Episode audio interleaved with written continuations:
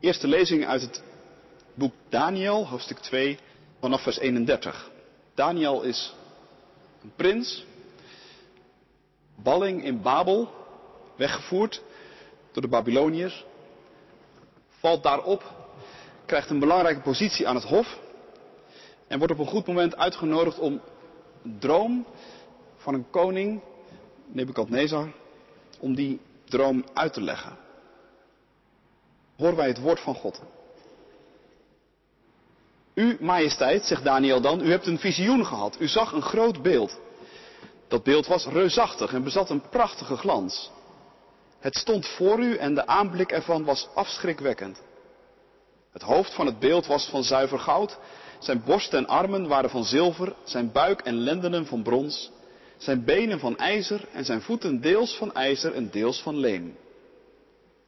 En u zag hoe een steen losraakte zonder dat er een mensenhand aan te pas kwam. Hoe die steen tegen de ijzeren en leme voeten van het beeld sloeg en ze verbrijzelde. Op datzelfde ogenblik verpulverden het ijzer, leem, brons, zilver en goud. Het werd als kaf op een dosvloer in de zomer. De wind voerde het mee totdat er geen spoor meer van te vinden was. Maar de steen die tegen het beeld was geslagen werd een hoge berg die de hele aarde bedekte. Dit was uw droom en nu zullen wij de koning zeggen wat hij betekent.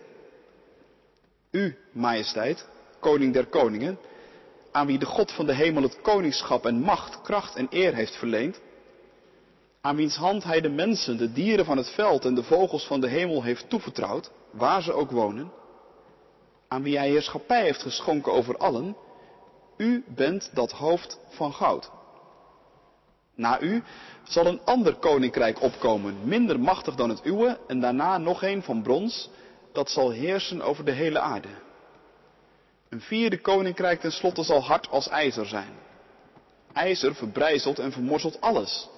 En net als ijzer dat verplettert, zal het al die andere rijken verbrijzelen en verpletteren. U zag dat de voeten en tenen voor een deel uit pottenbakkersleem en voor een deel uit ijzer bestonden. Dat betekent dat het koninkrijk verdeeld zal zijn. Het zal iets van de hardheid van ijzer hebben, daarom zag u ijzer voor u, vermengd met kleiachtig leem.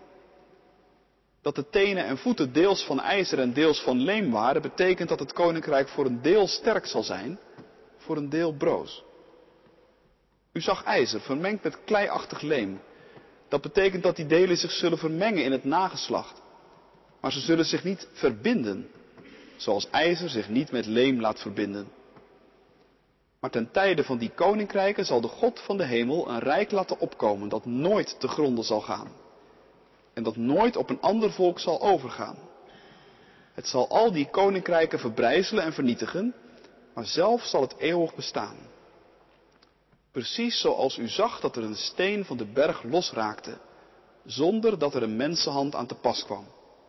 En het ijzer, brons, leem, zilver en goud verbrijzelde. De grote God heeft de koning laten weten wat er in de toekomst te gebeuren staat. De droom is waar en de uitleg betrouwbaar. Tot zover de eerste lezing. Tweede lezing uit het Johannesevangelie. Johannes 18. Vers 28 tot 38.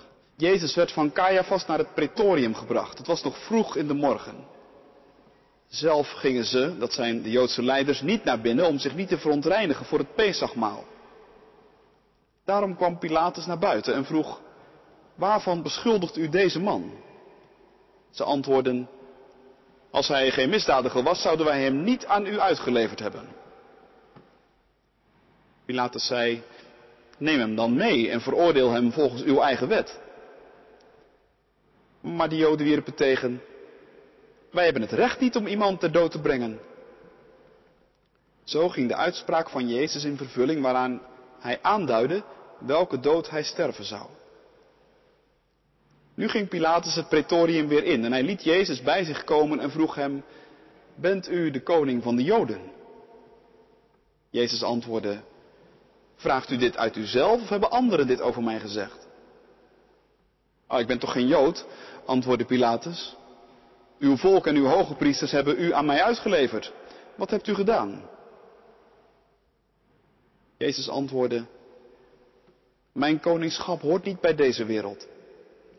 Als mijn koningschap bij deze wereld hoorde, zouden mijn dienaren wel gevochten hebben om te voorkomen dat ik aan de Joden werd uitgeleverd. Maar mijn koninkrijk is niet van hier. Pilatus zei, u bent dus koning? U zegt dat ik koning ben, zei Jezus. Ik ben geboren en naar de wereld gekomen om van de waarheid te getuigen en ieder die de waarheid is toegedaan, luistert naar wat ik zeg. Hierop zei Pilatus, maar wat is waarheid? Tot zover de lezing. Op de handout ook een vraag en een antwoord uit de Heidelbergse catechismus over het koninkrijk van God. De vraag is, wat is het tweede dat Jezus ons leert bidden? En het antwoord luidt, uw koninkrijk komen. En dat betekent, regeer ons zo door uw woord en geest dat wij onszelf steeds meer aan u onderwerpen. Zorg voor uw kerk en breid haar uit. Belemmer het werk van de duivel en elke macht die tegen u in opstand komt. Verhinder ook alle slechte plannen of dwaalleer die tegen uw woord ingaan. Totdat de tijd komt waarin uw koninkrijk volmaakt is en uw gezag over alles en iedereen zal zijn. Gemeente van Christus, dat koninkrijk van u, u weet wel, wordt dat nog wat? Dat zijn bekende regels van de ooit grote volksschrijver Gerard Reven. Je hoort ze misschien vanmiddag niet eens voor het eerst. Maar als ik je nou zou vragen wie kent er nog andere dichtregels van Reven, dan vermoed ik dat de meesten, mijzelf incluis, het antwoord schuldig moeten blijven. Dat het precies dus deze regels zijn die zo bekend zijn geworden en zo vaak geciteerd worden. Dat is dus wel veelzeggend. En je vraagt je af, waarom zou dat zijn? Nou ja, blijkbaar roepen deze regels dus heel wat op. Verlangen bijvoorbeeld. Verlangen naar het koninkrijk van God. Naar een koninkrijk, naar een situatie, een toestand of een politieke orde waar veel mensen diep in hun hart naar uitzien en veel van verwachten. Het verlangen naar iets anders. Iets dat beter is dan veel van de bestaande orde. Een koninkrijk zonder corruptie, zonder zelfverrijking, zonder belangenverstrengeling. Misschien ook wel zonder ziekte, zonder honger, zonder armoede. Zonder, nou ja, vul zelf maar aan. En tegelijk zitten deze regels ook vol sepsis.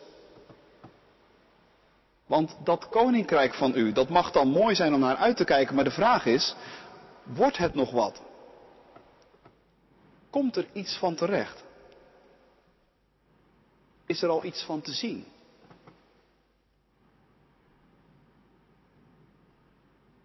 Het gedicht waar deze zin uitkomt heet Graf te Blauwhuis. En dat graf waar het in dat gedicht over gaat is het graf van een 18-jarige jongen. Een kind nog, zegt Reven. Dat kind heette Gerrit Rijpma. En wegvluchtend door de Friese polders tijdens een razzia op 8 februari 1945, notabene een paar maanden voor de bevrijding, werd hij ingehaald door een Duitse kogel. In het koninkrijk van God zou zoiets niet gebeuren. Maar het gebeurt wel. En het gebeurt nog steeds. Daarom de vraag van Gerard Reven. Dat koninkrijk van u, wordt dat nog wat? Nu, daar gaat het dus over vanmiddag, over het koninkrijk van God. En net als de vorige keren toen het ging over Gods naam en Gods wil, wil ik ook nu proberen om dat woord koninkrijk wat in te kleuren en wat profiel te geven. Maar voor we dat doen, eerst een vraag aan jullie. In hoeverre speelt het koninkrijk van God eigenlijk een rol in je geloofsleven? Het kan zomaar zijn dat je zegt, eigenlijk nauwelijks. hart van mijn geloofsleven bestaat uit de overtuiging dat Jezus voor mijn zonde gestorven is en zo de toegang tot de Vader heeft vrijgemaakt. En ik verlang ernaar om vandaag met Hem te leven en na mijn dood bij Hem te zijn. Het kan zomaar zijn dat je je in die typering van je geloof behoorlijk goed herkent. Misschien heb je het koninkrijk eigenlijk nooit echt gemist in je geloofs-ABC. Voor mijzelf gold dat eerlijk gezegd wel lange tijd zo. Bij ons thuis ging het vroeger eigenlijk nooit over het koninkrijk van God. En bovendien, de apostolische geloofsbeleidenis rept er ook met geen woord over. Jezus is geboren uit de maagd Maria, staat er dan, en daarna gaat het meteen met een grote sprong naar die geleden heeft, gestorven en begraven is. Dus waar hebben we het over? Nu ja, soms wordt ter verdediging daarvan aangevoerd dat het hele verdere leven van Jezus bestond uit lijden. En dat de notie van het koninkrijk dus bij dat woord inbegrepen zou zijn. Daar valt wel iets voor te zeggen. Want spot en hoon en onbegrip, dat is in het evangelie allemaal aan de orde van de dag. Maar de bruiloft in Cana, is dat bijvoorbeeld alleen maar lijden? Jezus die zieken geneest, die kinderen bij zich op schoot trekt, die de menigte onderwijst, te eten geeft? Is dat alleen maar lijden? Kun je dat volhouden?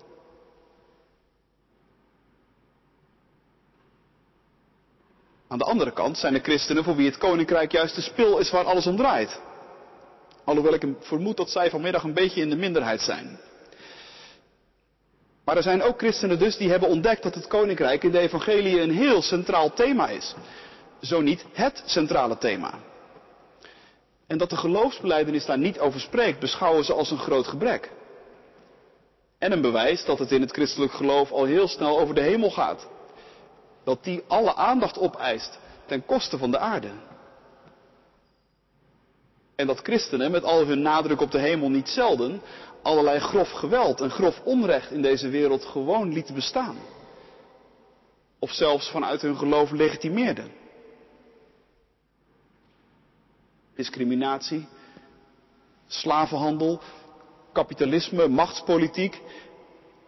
Niemand die zich afvraagt wat daar mis mee is. En dat terwijl Jezus zich toch bij voorkeur ophield onder de armen. Thuis was bij de hoeren en de tollenaars die in de gemiddelde kerkbank ver te zoeken zijn. Ook hier. En Jezus vond toch ook wel iets van de omgang met macht en geld, zeggen zij. Nu ja, daar valt zeker iets voor te zeggen. Jezus bevindt zich in het evangelie inderdaad liever in de marge en bij mensen in de marge dan in het hart van de macht. En sociale gerechtigheid, dat is zeker een groot en bijbels thema. Natuurlijk is het een schande als christenen hun geloof misbruiken om een decadente levensstijl te legitimeren. Maar zou ik aan deze christenen willen vragen, hoe zit het dan met kerst? Hoe zit het met Goede Vrijdag en Pasen? Het evangelie heeft niet alleen maar een middendeel, maar het heeft ook een begin en een slot. Zoals je dus aan de ene groep christenen zou kunnen vragen welke plek het midden in hun geloofsleven heeft, zo kun je aan de andere groep christenen vragen wat ze doen met de hoekdelen. Nu ja, het lijkt er dus op dat als het om het koninkrijk van God gaat, dat je op twee manieren zo'n beetje de boot kunt missen. Aan de ene kant kan het koninkrijk helemaal verdampen. Aan de andere kant kan het koninkrijk helemaal plat worden. Want ja, je kunt er niet omheen. Het koninkrijk van God is het centrale thema in alle evangeliën. En als je bedenkt dat koninkrijk een woord is dat je ook heel vaak kunt vertalen met koningschap, ja, dan wordt het thema meteen nog veel breder. dan komt ook meteen het hele Oude Testament in beeld. Waar het voortdurend gaat over Gods koningschap. God is koning. Als schepper is hij koning van hemel en aarde. Is hij koning over de volken. Koninkrijk van God, dat gaat dus over een hele concrete, noem het politieke realiteit. Regeer ons, zegt de catechismus, door uw woord en geest.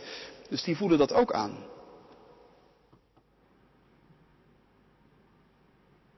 Maar tegelijk is het koninkrijk van God meer dan zomaar alleen maar een nieuwe ethiek of een nieuwe levensstijl.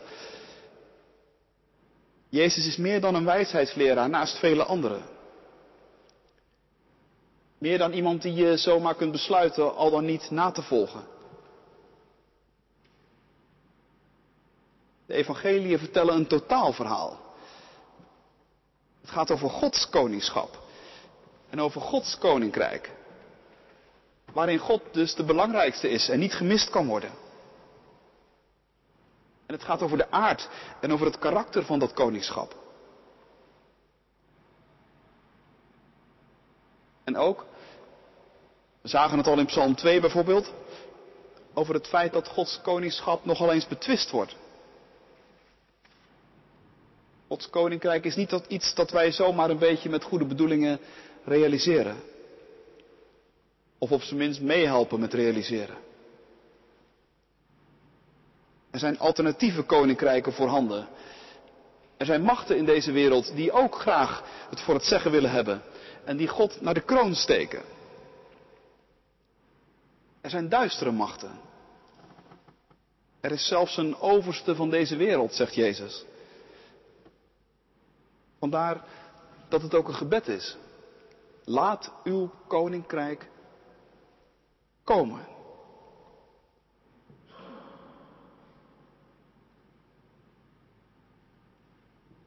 Nog iets meer over de aard en over het karakter van het koninkrijk van God. Dat komt heel scherp naar voren in Johannes 18. Een gearresteerde, gewonde en vernederde Jezus staat voor de Romeinse rechter Pilatus. En die vraagt hem, bent u de koning van de Joden? En wat zegt Jezus dan? Hij geeft eigenlijk een heel cryptisch antwoord. Hij zegt geen ja en geen nee. Hij zegt niet, nee, ik ben geen koning. Of ja, ik ben het wel, maar mijn rijk is niet voor deze wereld. Want dat is het wel. Jezus' koninkrijk is een koninkrijk voor deze wereld. Maar het is niet van deze wereld.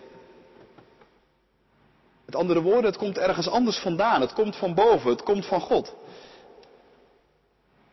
Dit koninkrijk is Gods cadeau voor onze wereld. En dat dit koninkrijk van een hele andere orde en van een heel ander karakter is dan het koninkrijk waar Pilatus onderdeel van uitmaakt.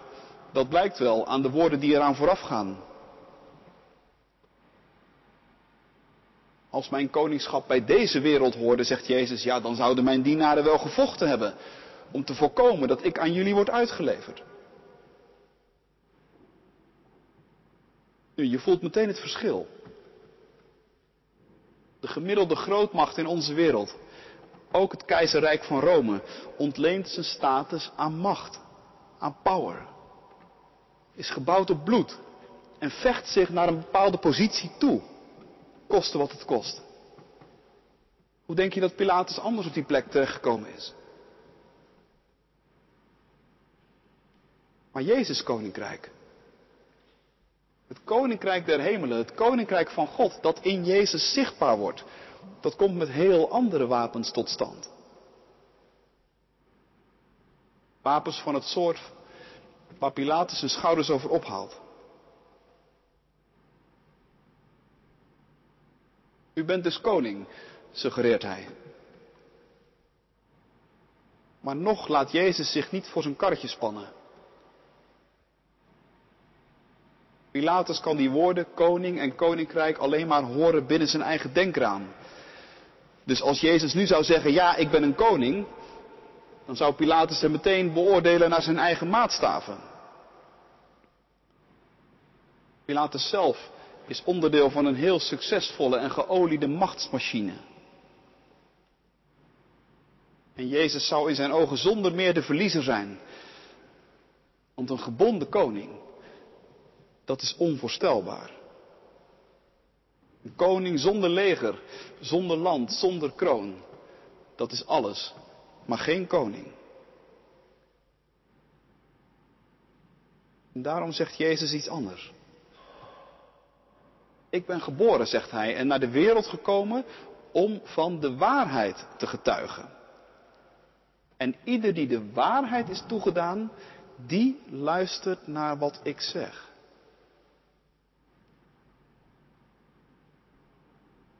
Waarheid dus. Dat is in het koninkrijk van God het belangrijkste criterium. Maar Pilatus kan er niks mee. Waarheid, schampert hij. wat is waarheid? Wij hebben zo onze eigen waarheid hier, moet je weten. Wat waar is, dat werkt. En wat werkt, dat is waar. En als we daarvoor de feiten naar onze hand moeten zetten, dan zij dat zo. Geweld, onrecht, cynisme, dat is in mijn wereld de normaalste zaak. Maar Jezus laat zien dat het in het koninkrijk van God anders is. In het koninkrijk van God gaat het om waarheid. En die waarheid, dat is een persoon. Dat is Jezus zelf. De waarheid is geen stelsel waar je elkaar mee om de oren kunt slaan. De waarheid is persoonlijk en bloedwarm. De waarheid staat in levende lijven voor je. Hier ben ik, zegt Jezus. Ik ben de weg, de waarheid en het leven. En mijn koninkrijk is niet van deze wereld. Het is van een totaal andere orde. Voel je dat aan? Ik sla niet met de waarheid in het rond en het laat me ook niet koud. Mijn koninkrijk is een koninkrijk dat gaat veel verder dan je stoutste dromen en je mooiste verwachtingen. In mijn koninkrijk dragen de soldaten geen wapens. In mijn koninkrijk gaat het niet om eigen belang, hard en berekenend of koud en onverschillig. Mijn koninkrijk is het rijk van de vrede en van de overvloed. Het rijk van gerechtigheid en van de vreugde.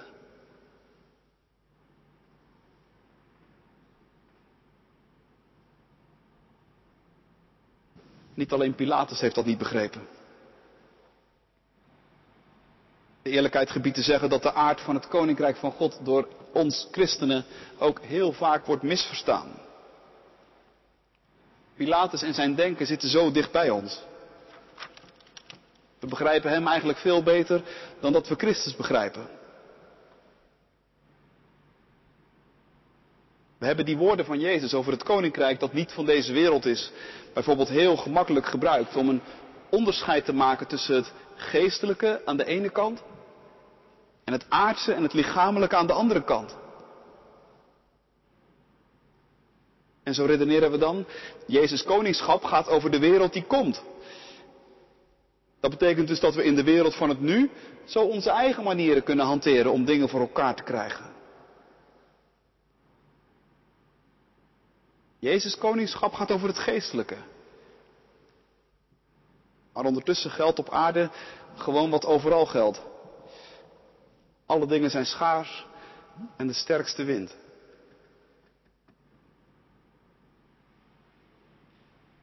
Iemand noemde dat praktisch atheïsme. Met je mond Jezus erkennen als koning en ondertussen zelf koning van je eigen koninkrijk willen zijn en blijven. Maar dat kan niet. Want als Christus koning is, dan is hij koning over alles.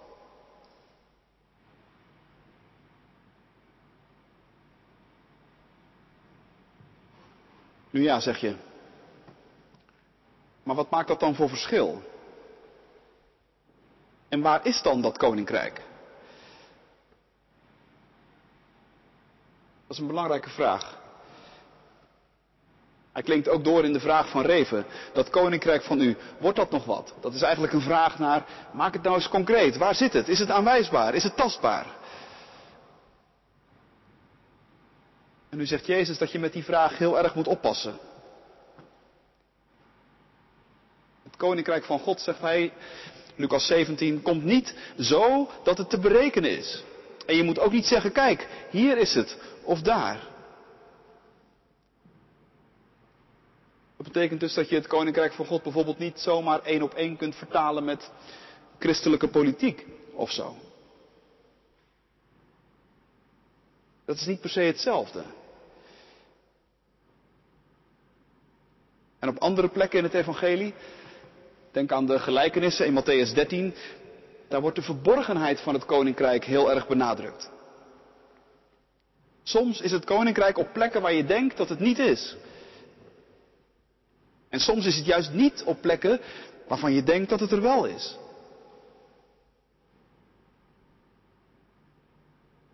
In die gelijkenissen gaat het over zaad. Dat op de vreemdste plekken wortel schiet. Maar het gaat ook over onkruid en tarwe. Die heel erg op elkaar lijken. Het koninkrijk van God is niet zomaar tastbaar en pakbaar. Aan de andere kant, het koninkrijk van God is ook als gist, dat een heel deeg doortrekt. Een heel klein onogelijk zaadje, waarvan je denkt, is dat het nou? En voor je het weet wordt het een enorme boom.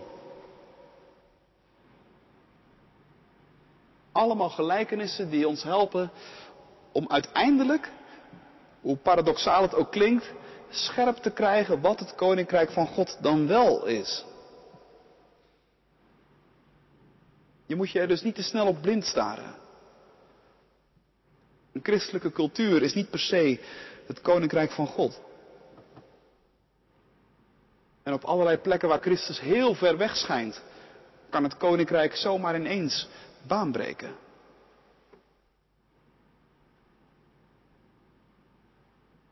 Het koninkrijk van God is niet gemakkelijk aanwijsbaar, zegt Jezus, maar ondertussen is het wel dicht bij u. Hoe zit dat dan? Ik denk dat je het zo moet zien. Het koninkrijk van God, dat is overal waar Christus als koning wordt erkend.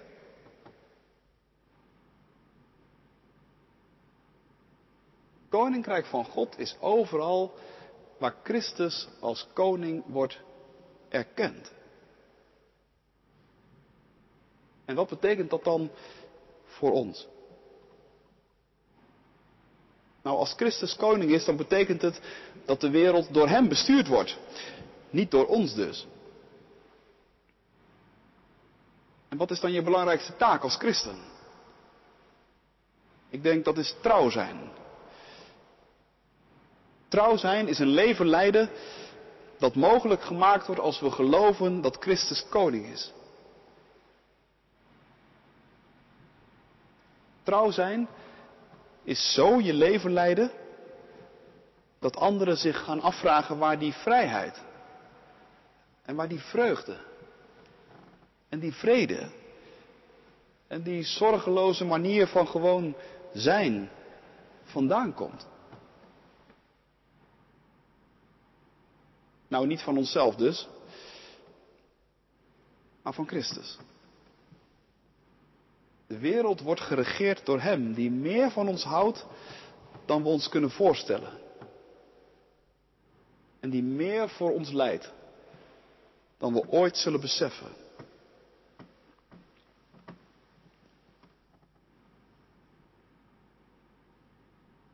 Ik wil dat tot slot naar drie kanten toe nog iets wat uitwerken. Hoe kun je dat nou concreet gestalte geven in je leven? Christus, koningschap erkennen. Nou, bijvoorbeeld in je omgang met tijd. Het koninkrijk van deze wereld zegt, zachtjes of hardop, dat het leven kort is en hard. En dat je daarom efficiënt moet zijn en bezig moet zijn. En vooral niet te veel tijd verliezen. Maar zijn al die ambities van ons niet heel vaak een teken van angst? Angst dat Christus toch geen koning is. En dat we de kwaliteit van zijn koninkrijk moeten vervangen door onze inspanningen. Leven we daarom vaak zo haastig? Zo ademloos? Alsof het leven alleen maar kort is. Laat dan het evangelie op je inwerken vanmiddag. Christus is koning. Niet alleen over de tijd, maar ook over de eeuwigheid. Hij regeert over ons leven. En hij regeert over het eeuwige leven. Hij maakte de tijd. En in hem is er dus altijd genoeg tijd. Voor alles wat er echt toe doet.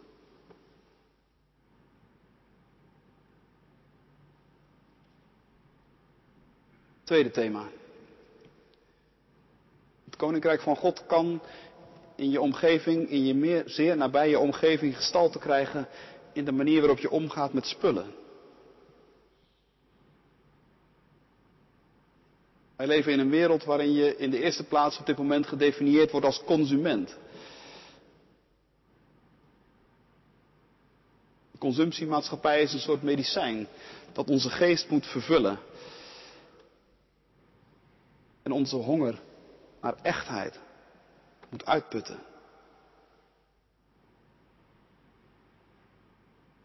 Maar als Christus koning is, dan gaat het niet over wat wij allemaal kunnen verzamelen. Maar dan gaat het over wat je kunt weggeven. Christus voor Pilatus geeft alles weg. Hij gaf zijn keuzevrijheid op toen hij voor ons koos. Hij koos voor ons. En als Christus onze koning is, betekent dat dat wij ook niet zomaar meer alle keuzes open hebben. Hij heeft voor ons gekozen. En hij zegt, leef. Leef volgens mijn koninkrijk.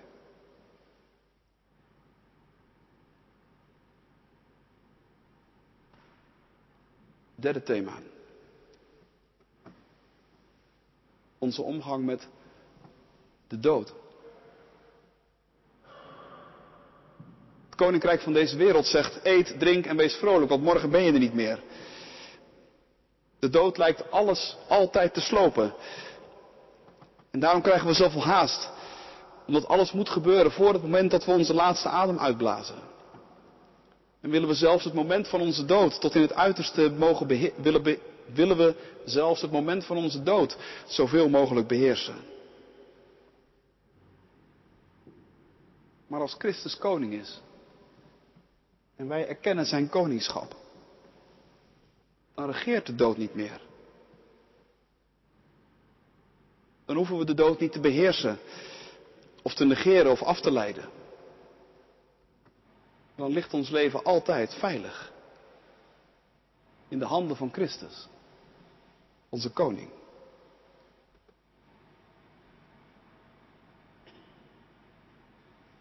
Nu ja,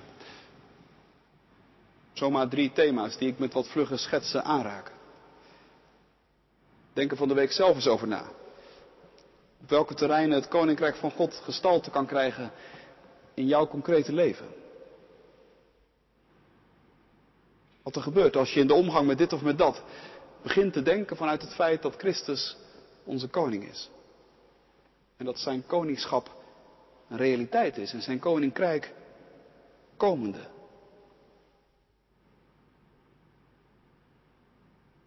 Dat helpt ook tot slot om een antwoord te geven op die vraag van het begin.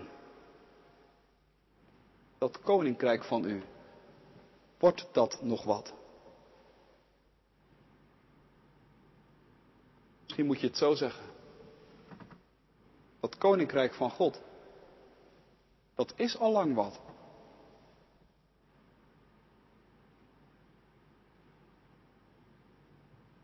grote jazztrompetist Wynton Marsalis was op een avond aan het spelen in een beroemde plek in New York.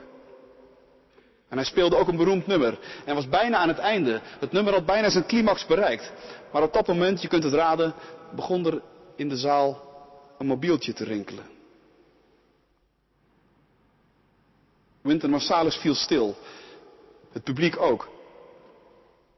De beschaamde bellen liep zo snel mogelijk weg. En iedereen dacht, wat gaat hij nu doen op dit moment? Het was eerst nog een poosje stil. Toen begon Marsalis weer te spelen. En hij begon te improviseren op de beltoon van dit mobieltje wat zojuist was afgegaan. En in de volgende paar minuten loste hij de improvisatie op. En kwam hij al spelend weer terug op het moment waar hij was gestopt. Prachtige situatie. Een groot probleem wordt op een uiterst creatieve wijze gered. Met eerbied gesproken zou je kunnen zeggen, Christus is als een grote jazztrompetist. Hij speelt een lied. Het is het lied van het koninkrijk. Een lied van liefde, van verlangen, van vrede, van gerechtigheid en vreugde. En wij zijn die mobieltjes die continu overgaan en die de hele creatie dreigen te verknoeien. Christus moet stilvallen. Wat doet hij dan? Langzaam,